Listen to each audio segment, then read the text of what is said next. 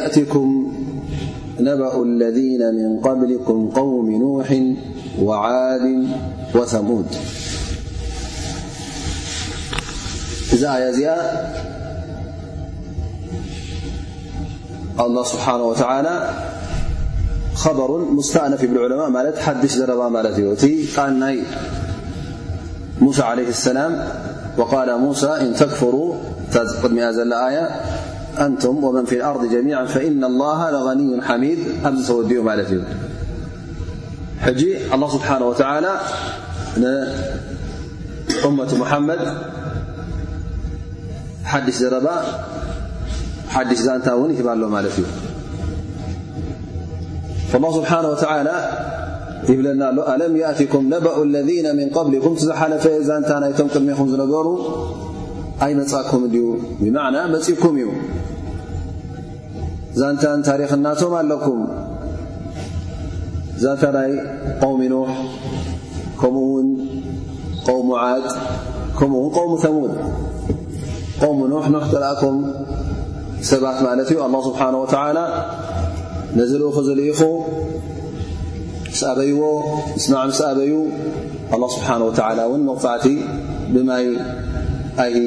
ኣጥፊእዎም ቐውሙዓድ ኣላ ስብሓን ወተዓላ እውን ንነብላ ሁድ ልኢኽሎም እሶም እውን ነቲ ዝመፀ መልእኽቲ ብዘይ ምቅባሎም ኣላ ስብሓን ወተዓላ እውን ኣብ ኣዱንያ ጌና እንከለዉ ሓያል መቕፃዕ ተቐፅዕዎም ከምኡ እውን ቐውሚ ተሙድ ነብላ ሳልሕ ተላኢኹ መጺዎም እሶም ውን ብግዲኦም ካብቶም ዝሓለፉ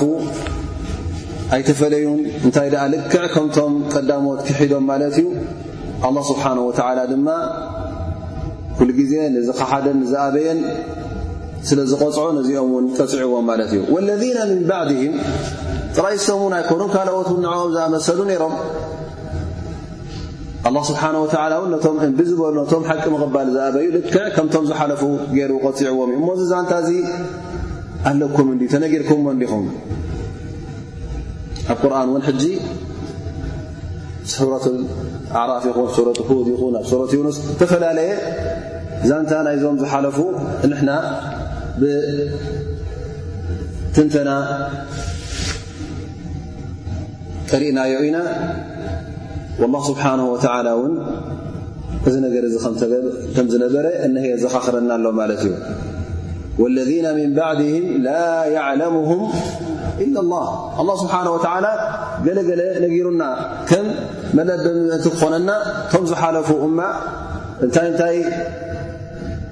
መልእኽቲ መጺዎም ነዚ መልእኽቲ እዚ ከመይ ገይሮም ነጺጎሞ ኣይነጸግዎን እንታይ ገይሮም ኩሉ ኣላ ስብሓን ወተዓላ ሓቢሩና ኣለዉ ድማ ኣላ ስብሓን ወተዓላ ዝፈልጦም ንሕና ዘይንፈልጦም ዘይሓበረና መን ከም ምዃኖም እንታይ ከም ዝገበሩ እንታይ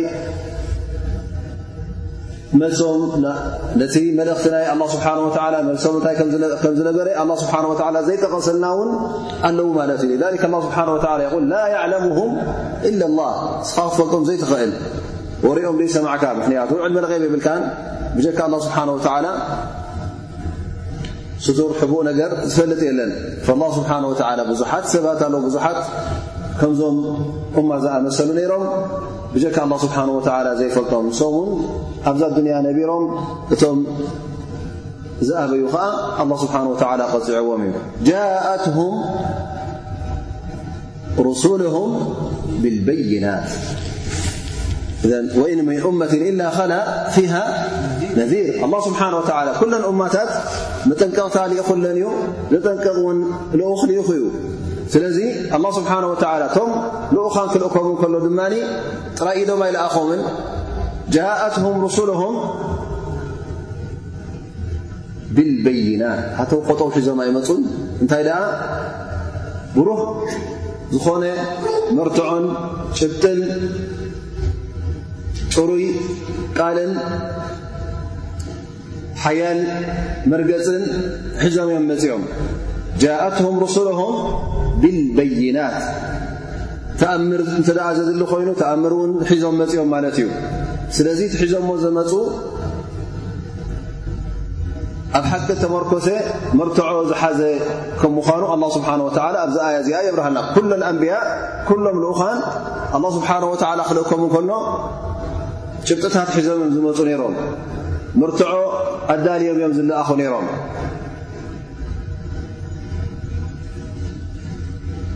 እቶም እማናቶም ግን ነዚ መርትዖ እዚ ዘይቅበሉ ብዙሓት እዮም ነይሮም። መርትዖ እንከለዎ እቲ ጉዳይ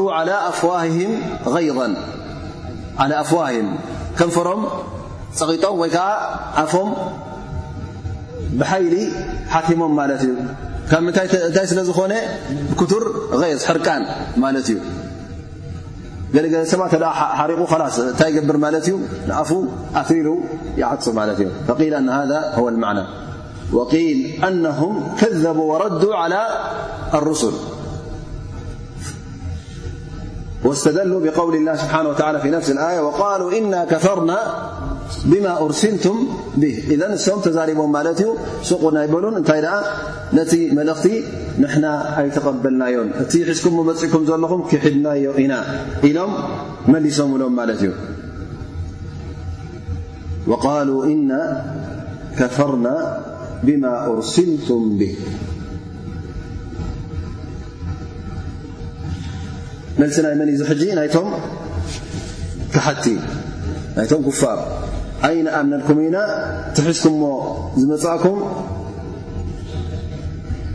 ሓቂ ኣይኮነን ሓቂ እውን ዝሓዘ ኣይኮነን ኢሎም ፍጹም ነቲ መልእኽቲ ናይቶም ልኡኻን ነጺጎሞ ማለት እዩ በል ቃሉ ወኢና ለፊ ሸክ ምማ ተድዑነና ኢለይህ ሙሪብ ጌና እቲ ምፅኩሞ ዘለኹም መርትዖ እውን ኣይዓገብናሉን ዘዕግብ እውን ኣይኮነን ስለዚ እቲ ትብልዎ ዘለኹም ናይ ሕቦ ነገር ስለ ዝኾነ ናይ ጎይታ ናይ ዕልሚ ልቕብ ናይ ፅባሕ ንግሆ ዮም ቅያማ እዚታት ስለ ዝኾነ ንና እዚታት ኩሉ ጌና ኣብ ጥርጠራ ኢና ዘለና ኣይኣመንናልኩምን እቲ ትብሉና ዘለኹምሲ ሓቂ ኣይኮነን ናሕኑ ፊ ሸግ ኣብ ጥርጠራ ኢና ዘለና እዚ ጥርጠራ ድማ ክሳዕ ሕጂ ኣይረጋኣልናን ስለዚ ሓቂ ኣይኮነን ማለት እዩ ስለምንታይ ንሕና ካብቲ ዝነበርናዮ ናይ ኣቦታትና እምነት ካብቲ ዝፀናሓና ባህልን ካብ ዝፀናሓና መሰረትን ሲ ናብዚ ሓድሽ እዚ ንሰግር ኢሎም የዕብይዎም ማለት እዩ እቶም ልኡኻን እንታይ ኢሎም ይምልሱ ቃለት ሩሱሉም ኣፊ ላህ ሸክ ፋጢር ሰማዋት ወልኣርض እንታይ ኣኹም ትብሉ ዘለኹም እቲ ጥርጠራ ትብ ዘለኹም ኣብ ጎይታ ዶ ጥርጠራ ኣሎ እዩ ተኣምልኾት ክወሃብ ዝግባእ ከመይ ጌርኩም ከምዚ ጌርኩም ትምልሱ፣ ከመይ ጌርኩም ትካትዑ ኣብ ጥርጠራ ኢና ዘለና ኢልኩም ብዛዕባ ኣላ ስብሓን ወተላ ኣላ ስብሓን ወተላ ሓደ ጎይታ ሰማይን ምድርን ዝኸለቀ እዩ እሞ ከመይ ጌርኩም ብዓይንኹም ነዚ ሰማያትን ነዚ መሬት ትሪእዎ ዘለኹምን ብኡ ትክሕዱ ስለዚ ብጎይታ ክትጠራጠር እንተ ደኣ ኮንካ እቲ ሰማይ ምድርን ዝኸለቐ ንዕኡ እንተ ደኣ ኣሎን የለን ፈጢሩ ኣይፈጠረን ኣምልኾት ይግብኦን ኣይግብኦን ኢልካ ክትጠራጠር እንተ ደኣ ኮንካ እዚ ዓቢ ጥፍኣት ማለት እዩ ምስቲ ናይ ኣእምሮ እውን ዝገራጮ ማለት እዩ እነሀ ኣላ ስብሓን ወተላ እቲ ኩሉ ፍጡር ዝፈጠረ እዩ ሰማይን ምድርን ዘሎ ኩሉ ኣብ ሰማይን ኣብ ምድርታትን ዘሎ እውን ኣላ ስብሓን ወተላ ዩ ኸሊቕዎ እሱ ኻብ ኸለቆ ድማ እሱ ካብ ፈጠሮ እውን ግዴታ ንሱ ኣምልኾት ንኽወሃብ ይግባእ ብጀካ ንዕኡ እውን ንኻልእ ክወሃብ የብሉን ዝኾነ ይኹን ዝሓለፈ እማታት እውን ብፈጣሪ እውን ዝኽሕድ ኣይነበረን ስለዚ እቲ ናይ ጥርጠራ ትብልዎ ዘለኹም እዚ ጥርጠራ እዚ ዘገርም እዩ ቃለት ሩሱሉም ኣፊ ላሂ ሸክ ፋጢር ሰማዋት ወልኣርድ ሰማይን ምድርን ዝኸለቐ ከመይ ጌርካ ትጠራጠረሉ ከመይ ጌርካ ደኣ ኣብዚ መሬት እዚ ትነብር ኣለኻ ከመይ ጌርካ ደኣ ትሕቲዛ ሰማይ እዚኣ ትጓዓዝ ኣለኻ መን ዝኸለቐልካ መሬት መን ዝኸለቐልካ ሰማይ መን ዝኸለቐልካ ከዋኽብቲ መን ዝሃበካ ዝፈጠረልካ ዝኹሉ ሽሻያት ኣብ ናይ መን ፍጥረት ኢኻ ትጓዓዝ ዘለኻ እተ ጥርጠር ኣለካ ኮይኑ ኣብ ነብስኻ ትጠራጠር ማለት እዩ ኣበይ ከም ዘለኻ ውን ትፈልጥ የለኻን ማለት እዩ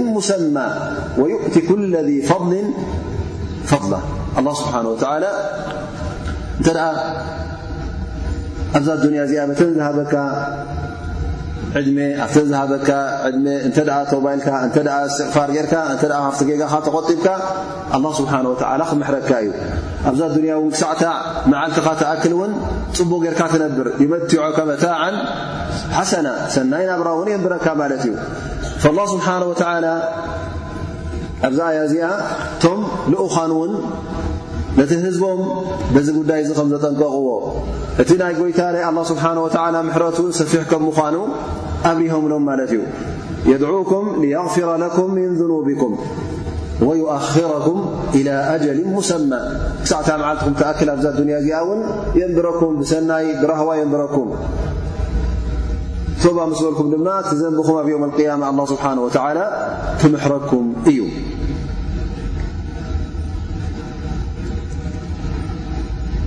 እቶም ከሓቲ ግን ጌና ኣብቲ ክትዕ ናቶም ይቕጽሉ ማለት እዩ። እቲ ዝወሃቦም ዘሎ ምኽሪ ዝወሃቦም ዘሎ መርትዖን እውን ኣይተቐበሉን። ፈንታይ ኢሎም መሊሶም ነቲ መልእኽቲ ኩሉ ንክነጽጉ ብዛዕባ እቲ መለኽቲ እውን ኣይተዛረቡን እንታይ ደኣ ክብሉ ጀሚሮም እን ኣንቱም ኢላ በሸሩን ምሉና ከመይ ጌርና ንዓኹም ንሕና ንኽተል ንስኹም ከማና ሰብ እንዲኹም እንታይ ካባና ላዕሊ እንታይ ዘብልፅ ኣለኩም ካባኹም ዝረኣናዮ ድማ ሓድሽ ነገር የለን ተኣምር የለን ስለዚ ስቕልኩም ዘረባ ኣይተብዝሑ ኣይተትዕቡና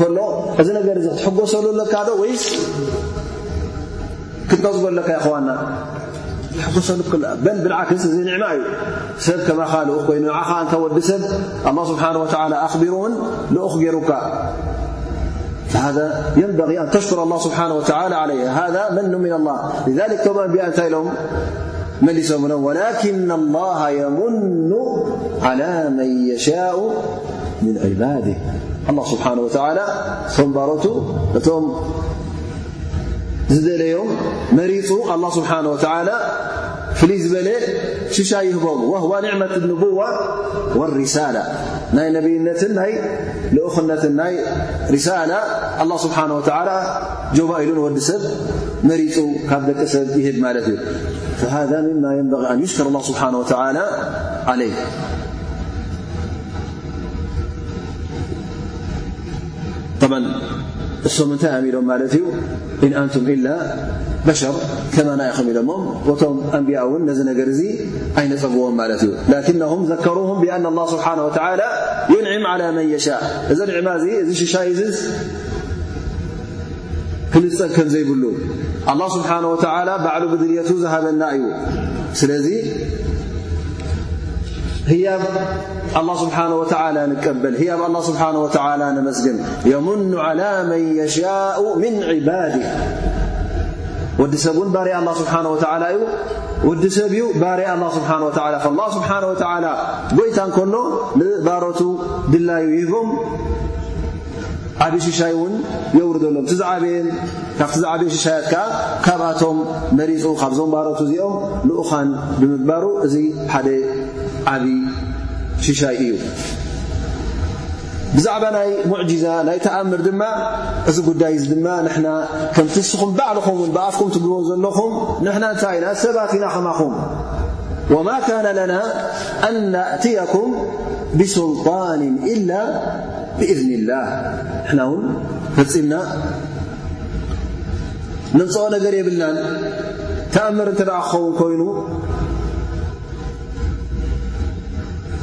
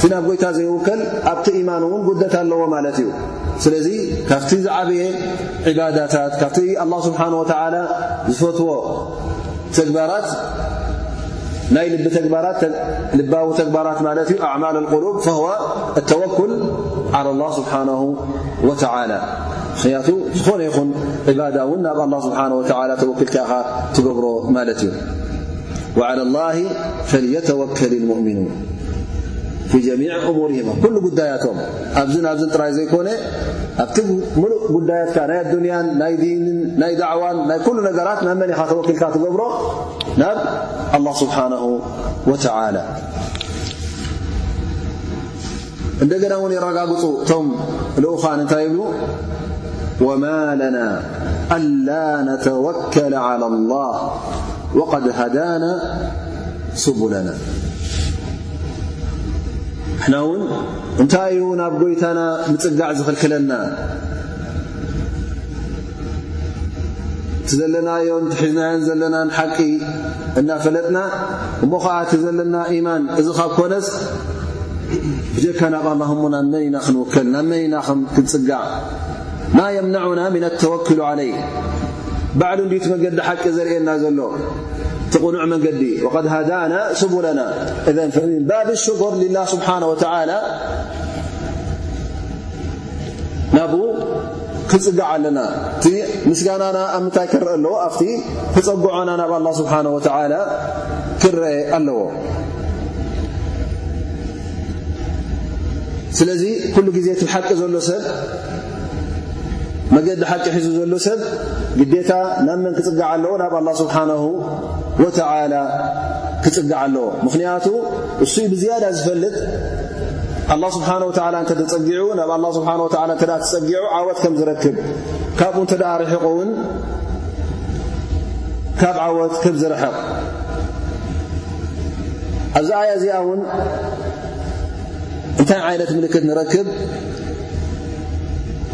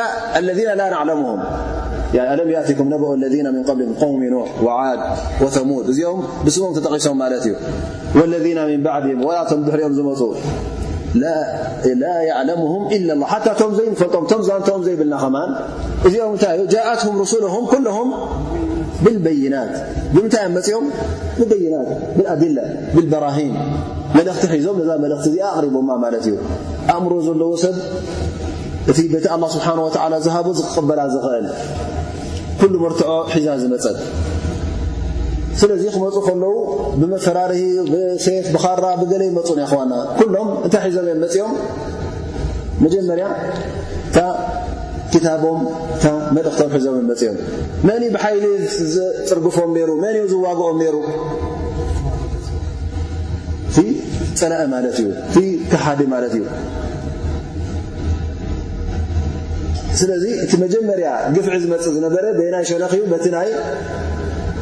ተሓቲ ሸነኽ ከም ምዃኑ ንርዮ ማለት እዩ ذ ኣብዚ ኣያ እዚኣ ውን ካብቲ ምልክት ንህቦ ዘለና ኣ ስብሓ ወ ወይከዓ እዞም ኣንብያ እንታይ እዮም ዝብሉ ዘለዉ ንሕና ወላ ውን ከምቲ ምሳኹም ዘሎ ሓይሊ ናይ ንዋት ሓይሊ ኣይሃሉና ኣ እምበር ንሕና እቲ ዝዓበየ ሓይሊ ኣብኡኢና ተፀጊዕና ዘለና መን እዩ ኣላ ስብሓነ ወተላ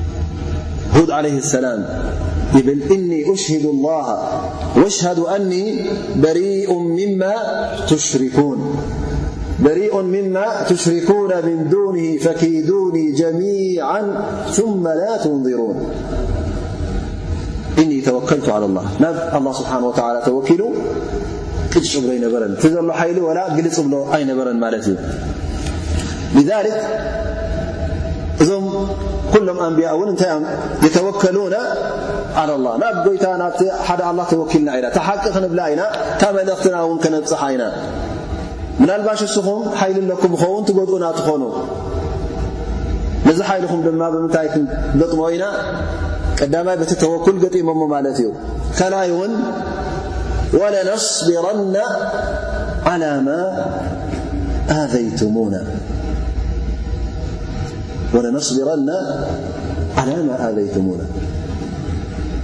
እቲ ተውርድዎ ዘለኹም ሞት ስቅያት ናብ ዝባና ወይ ከዓ እቲ ጉድኣት እውን ንሕና ብትዕግስቲ ክንገጥሞ ኢና ክንቅፅል ኢና ብዘረባ ይኹን ብመልሓስኩም ይኹን ብኢድኩም ይኹን ብዝኾነ ይኹን ጉድኣት ትገብርዎ ዘለኹም ንሕና ነዚ ጉድኣት እዚ ክንስከሞ ኢና ኣብቲ ዳዕዋና ውን ክንቅጽል ኢና ምኽንያቱ ዝያዳ ኣጅሪ ዝያዳ ር ንዓና እዩ ዳኣ እምበር ንዓና ዘጉድል ኣይኮነን እቲ ንረኽቦ ዘለና ሽግራት ዝረኽቦ ዘለና ዕንቅፋት መወሰኽታ ነቲ ኣጅርታትና እዩ ዳኣ እምበር ካልእ ኣይኮነን ስለዚ ለ ነስቢረና ዓላማ ኣዘይትሙና ዝገበርኩም ግበሩ ንሕና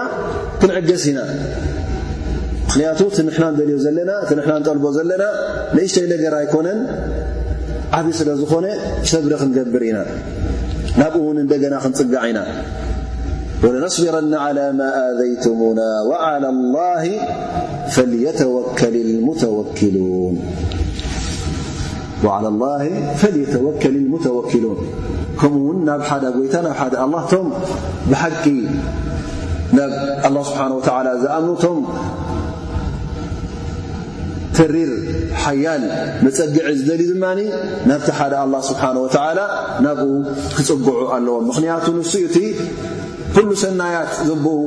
ክኸፍተልና ዝኽእል ናብ ኩሉ ሰናያት ከብጽሓና ዝኽእል መን እዩ እቲ ሓደ ጎይታና እዩ ሩሱል ስለዚ ኩሎም እቲ ዝዓበየ ሕቶ ዝነበረ እቲ ዝዓበየ መጥለብ ዝጠልብዎ ዝነበሩ ዝዓበየ ክብሪ ዝሓትዎ ዝነበሩ ወይ ከዓ ዝደልዎን ንኽበፅሕዎን ዝጓይ ዝነበሩ ሙሉእ ናብ ኣላ ስብሓን ወተዓላ ተወክል ክህልዎም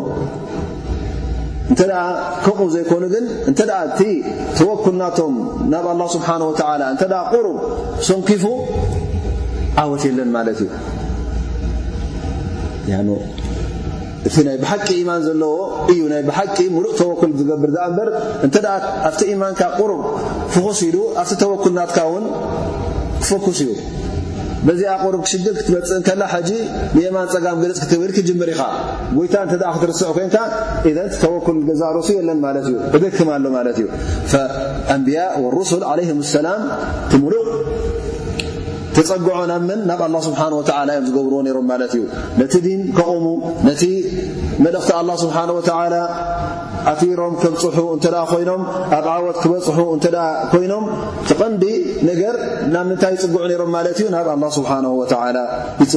ይጽግዑ ነይሮም ማለት እዩ ብኡ ድማ ኣብ መጨረሻ ኣላ ስብሓን ወተላ ኣብ ምንታይ ኣብጽሕዎም ኣብ ዓወት ኣብጽሕዎም ማለት እዩ እዚ ተወኩልን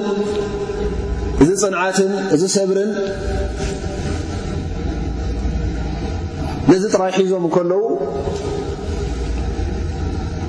ንሰብ ከየፈራርሁ እንከለዉ እቶም ጸላእቲ ብኣንጻሩ ትዕግስቲ ስኢኖም እቲ ሓይሊ ኣብ ኢዶም ስለ ዝነበረ እንታይ ክገብሩ ጀሚሮም ሕጂ ሓይሎም ክጥቀሙ ጀሚሮም ማለት እዩ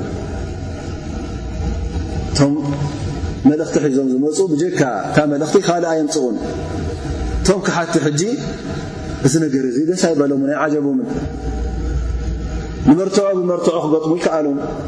ምኽንያቱ ዝሒዞሞ ዘለዉ መርትዖ የብሉን እና ወጀድና ኣባእና እታ ዝዓበየት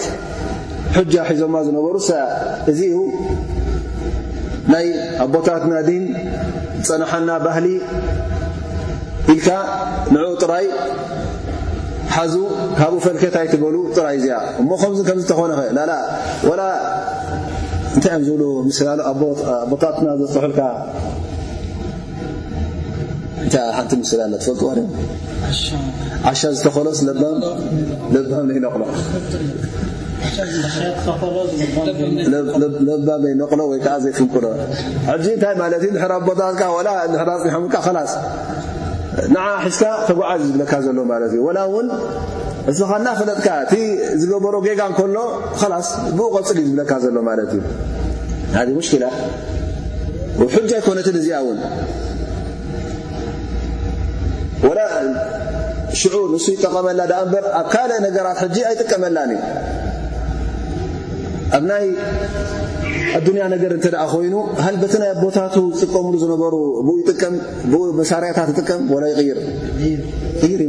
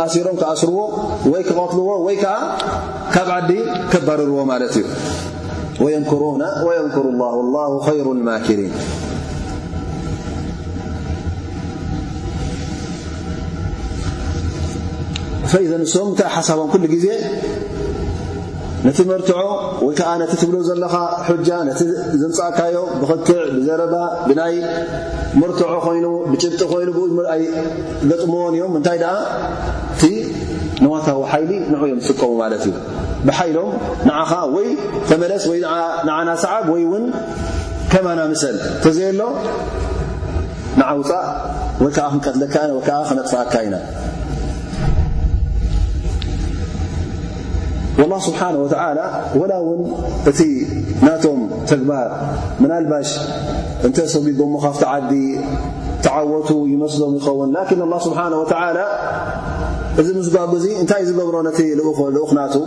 ዝያዳ ር እዩ ዝገብሮ ነቢና ሓመድ صለ ላه ለ ወሰለም ካብ መካ ንኸውፅዎ ሕኹ ኢሎም እዮም ማለት እዩ ቁሬሽ ምክንያቱ ዓዲ በላሽ ኢልና ኢሎም ማለት እዩ ፈለማ ኸረጃ እንታይ ኮይኑ ብዝያዳ ሰዓብቲ ረኺቡ ብዝያዳ ሓገዝቲ ረኺቡ ሰራዊት ገይሩ እታ ዝሰጎጉዎ ዓዲ፣ እታ ዘባረሩዎ ዓዲ መካ ድሕሪ ትሽዓተ ዓመት መጺኡ ሒዙዋ ማለት እዩ። ኣላህ ስብሓን ወተዓላ ነቲ ዲን ብኣሊኦም ገይርዎ ማለት እዩ። ኣላህ ስብሓን ወተዓላ ኩሉ ግዜ እንተ ደኣ ብሰብርን ብትዕግስትን ቀጺልካ ትጉዕዞኻ ዝኾነ ይኹን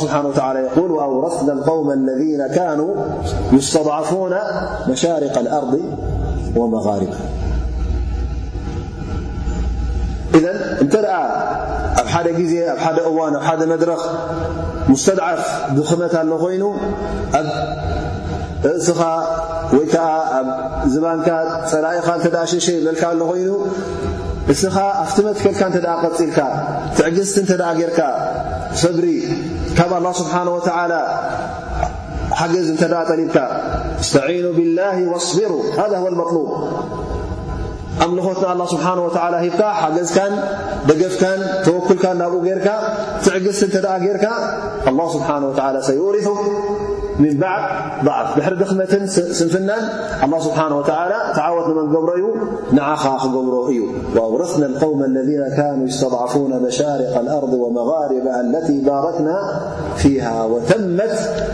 ከሊመቱ ረቢከ ልሑስና ዓላ በኒ እስራኢል ኣነ በኒ እስራኢል እዚ ኩሉ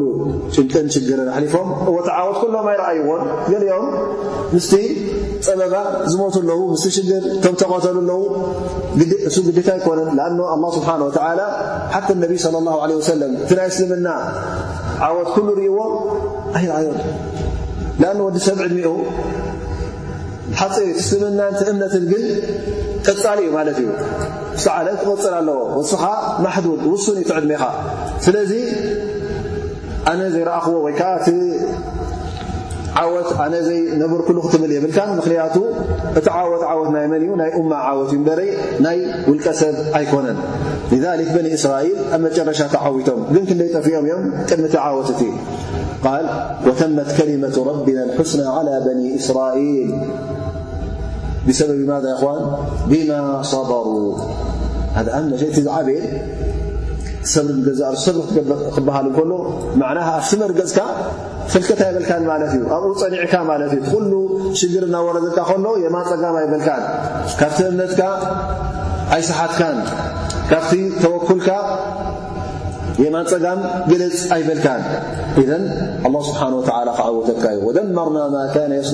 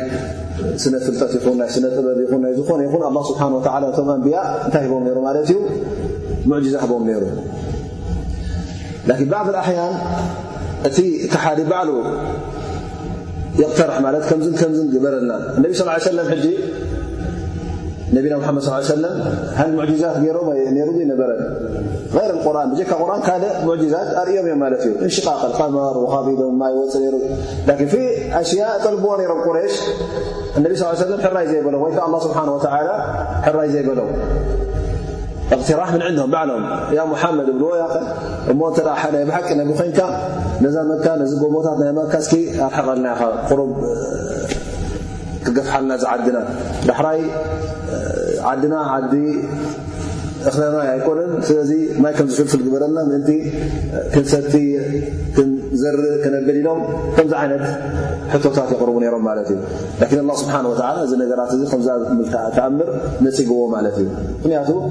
ኣሎ እቲ ዝጠልብዎ ተኣምር ሓሓደ ግዜ ንምንታይ ይኸውን ማለት እዩ ስወይካ ንመታትዕ ኢሎም ዝጠልብዎ ማለት እዩ ከኣምኑ ዘይኮኑስ እንታይ ደኣ መናውሒ መዛረቢ መዘናግዒ ኢሎም ወስድዎ ማለት እዩ ላ ስብሓን ወተላ እዚ ቕትራሕ እዚ ከምዚ ዓይነት ዝቐርቡ ከለዉ ይቕበል ኣይነበረን ኣብ ርእሲኡ ድማ ኣላ ስብሓን ወተላ ራሕመተን ብከልቂ ነቶም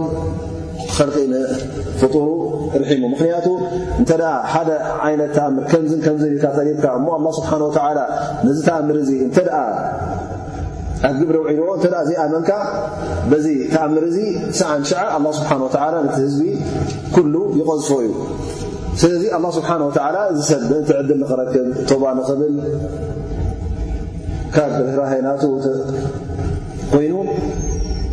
ከም ዝኣመስል ተኣምር ክጠልቡ ከለዉ ፍልይ ዝበለ ተኣምር ኣላ ስብሓን ወተዓላ ይህቦም ኣይነበረን ላኪን በብዓይነት ተኣምራት ኣንብያ ኩሎም ነናቶም ምስቲ ኩነታትን ምስቲ ግዜያትን ዝሰማምዕ ተኣምር ሒዞም ክመፁ ነይሮም ማለት እዩ እቲ ሒዞሞ ዝመፁ መልእኽቲ ውን ኩሉ ግዜ ብምንታይ ተሰንዩ ነይሩ ማለት እዩ ብመርትዖ ተሰነዩ ነይሩ ማለት እዩ ከማ ቃል ላ ስብሓን ወተላ በዛ ዝቕረኣናይ ኣያ በይናት ሒዞም መፅዊሮም ብሩህ ዝኾነ ሑጃ ዘለዎ ንዝኾነ ይኹን ዓቕልን ኣእምሮን ዘለዎ ክረድእ ዝኽእል መርትዖ እዮም ዘቕርቡ ነይሮም ማለት እዩ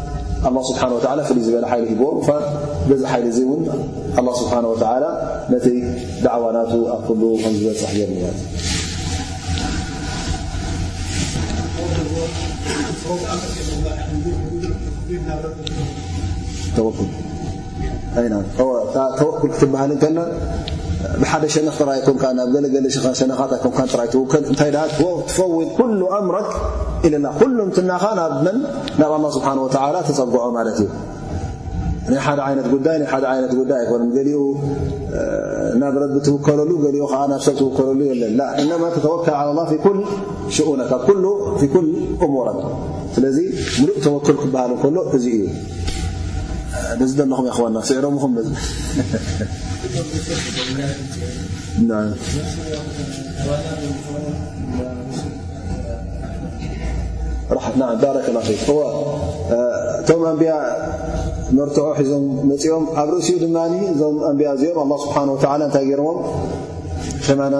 በሸር ደቂ ሰብ ገይርዎም ማለት እዩ እዚ ንገዛእ ርእሱ ሓደ ሽሻይ ሓደ ኒዕማ ስለ ዝኾነ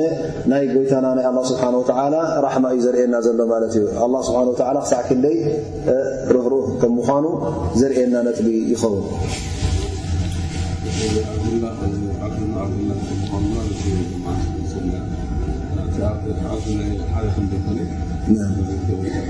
ባረከ ላ ፊክ እወ